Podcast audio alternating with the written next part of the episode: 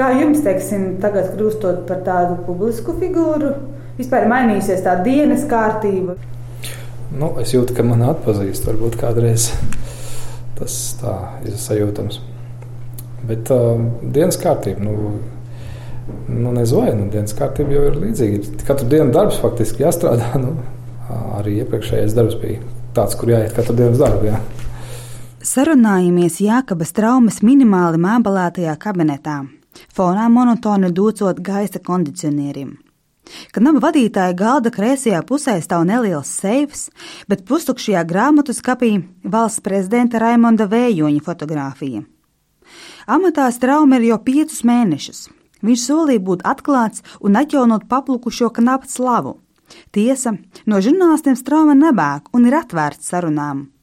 Taču, klausoties un lasot viņa intervijas, radies priekšstats, ka viņš māk atbildēt uz jautājumiem, pēc būtības neko nepasakot. Tā ir man tāda raksturiezīme. Viņš cenšoties stāstīt par knabu, biroja darbu, viņa kā tā vadītāja lomu. Varbūt tā raksturiezīme man ir tāda, ka es neesmu tāds, kas plaši un gari to vēlas stāstīt.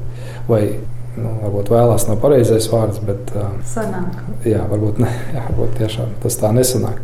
Iespējams, šī rakstura iezīme viņam izveidojusies ilgstoši strādājot specifiskās drošības iestādēs. Vairāk nekā 16 gadus Straume strādāja militārās izlūkošanas un drošības dienestā. Lielāko daļu šī laika bijis pārvaldes priekšnieka amatā. Karjeru sāka valsts policijas organizētās noziedzības un apkarošanas birojām. Abās iepriekšējās darba vietās viņš plašākai sabiedrībai bija nezināms. Kļūstot par knabu vadītāju un plašākai sabiedrībai atpazīstamu cilvēku, Strauma izveidoja kontus sociālajos tīklos, Facebook un Twitterī. Tajos paratam ieraksta par aktualitātēm birojām, piemēram, kādu konferenci vai paša sniegtām intervijām. Jaunais amats uzreiz nāca ar pārbaudījumu. Žurnāls ir publiskoja tā dēvētās oligarhu sarunas, kuras pirms vairākiem gadiem krimināla procesa ietvaros knap bija ierakstījis vietnītes rīdzena numuriņā. Birojam un prokuratūrai pārmeta sliktu šī krimināla procesa izmeklēšanu, un straumam bija jāšķitina, kā slepenās sarunas nonāca atklātajā telpā, un vai to laik tās pienācīgi izmeklētas. Tolaik, kad bijusi amatpersona, tagad Rīgas domas deputāte Juta Strīķa preses konferencē sacīja, ka šo procesu izdosies novest līdz tiesai. Straume, esot pavisam citā amatā, midijos tam sekoja līdzi. Sākot vadīt knabu, viņam ar šo pagātnes lietu nu bija jātiek galā. Jā, tāds neliels pārsteigums bija, protams, kas varbūt nedaudz vairāk aizņēma man manu ikdienu, nekā tam vajadzēja būt. Tā iemesla dēļ, ka nu, darbs jau neapstājās. Ir jāstrādā arī ar tiem jautājumiem, kur ir ikdienā. Nu, šeit nācās arī darboties ar to, kas varbūt ir savā ziņā jau pagātne. Viņš spriež, lieta ir devusi mācību, pārdomāt, kā birojas ir strādājis. Savu darbu izvērtējot publiskotās sarunas, kurām birojas bija uzlicis slepenības zīmogu, ka nabasot padarījis un secināto tālāk izmeklēšanai nodevis drošības policijām. Kas atklāts, to strauma nesaka. Noslēpums. Ko pats par šo izmeklēšanu domā? Tas arī noslēpums. Kas un kā tika tajā laikā darīts, man priekšstats pavisam noteikti uz doto brīdi ir. Vai tur tika darīts labi, slikti, pietiekoši, nepietiekoši. Arī par to man priekšstats ir, bet nu, es to priekšstatu, kamēr vien mums ir projām esošas izmeklēšanas komisijas, viņi nepaudījuši, jo tādā veidā es varētu ietekmēt šīs komisijas darbu, un tas nebūtu, nu, nebūtu pareizi.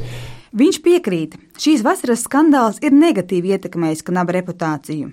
Priekšnieks atturas vērtēt, vai sabiedrība no šo sarunu publicēšanas ir ieguvusi. Es tomēr uh, gribu atgriezties pie tā, ka nu, anarhiju un tādu haosu valstī arī nedrīkst uh, pieļaut. Nu, mums ir jādomā par to, ka nu, ja tā ir klasificēta informācija, nu, viņa nevar tomēr izpaust. Viņš uzskata, ka slepenas informācijas publiskošana ir sodāma, jo var ietekmēt izmeklētāju darbu. KNAB un citi dienesti ne tikai paši vāc informāciju, izmantojot dažādas likuma atļautās metodes, bet strādā arī ar ziņotājiem. Cilvēkiem, kuri sniedz informāciju, kur var palīdzēt izmeklēšanā. Zinot, ka birojas nespējas nosargāt šo informāciju un tādā veidā atmasko ziņotāju, informācijas sniedzējs var palikt pagrīdē. Tas mums novedīs pie anarhijas un haosa, ja mēs katrs izlemsim, ka kādu informāciju nepieciešams publicēt tikai tāpēc, ka viņi var kaut kādā veidā ietekmēt kādu sabiedrības procesu. Un nevajadzētu sajaukt divas dažādas lietas vienā katlā trauksmes celšanu un valsts noslēpumu izpaušanu. Nu, tas nav tomēr viens un tas pats. Kas vēl bez oligarhu lietas pārskatīšanas ir izdarīts? Strāma min darbu pie informācijas aprates, kas palīdzēšot birojam nākotnē strādāt veiksmīgāk. Taču sevi vērtēt esot grūti. Tāpēc eju uz blakus kabinetu, kur sēž viņa vietniece, Ilze Jurča. Viņa knap strādā kopš 2000. gadu sākuma un sastrādājusies ar daudziem biroja šefiem. Viņam, cik var noprast, tā, nu, šos dažus mēnešus vērojot viņa darbību, viņam ir stingrs mugurkauls diezgan. Viņš tā, ko viņš nolēma, to viņš izdara. Nu, tas ir tas, kā, man, kā, kā es to saskatu.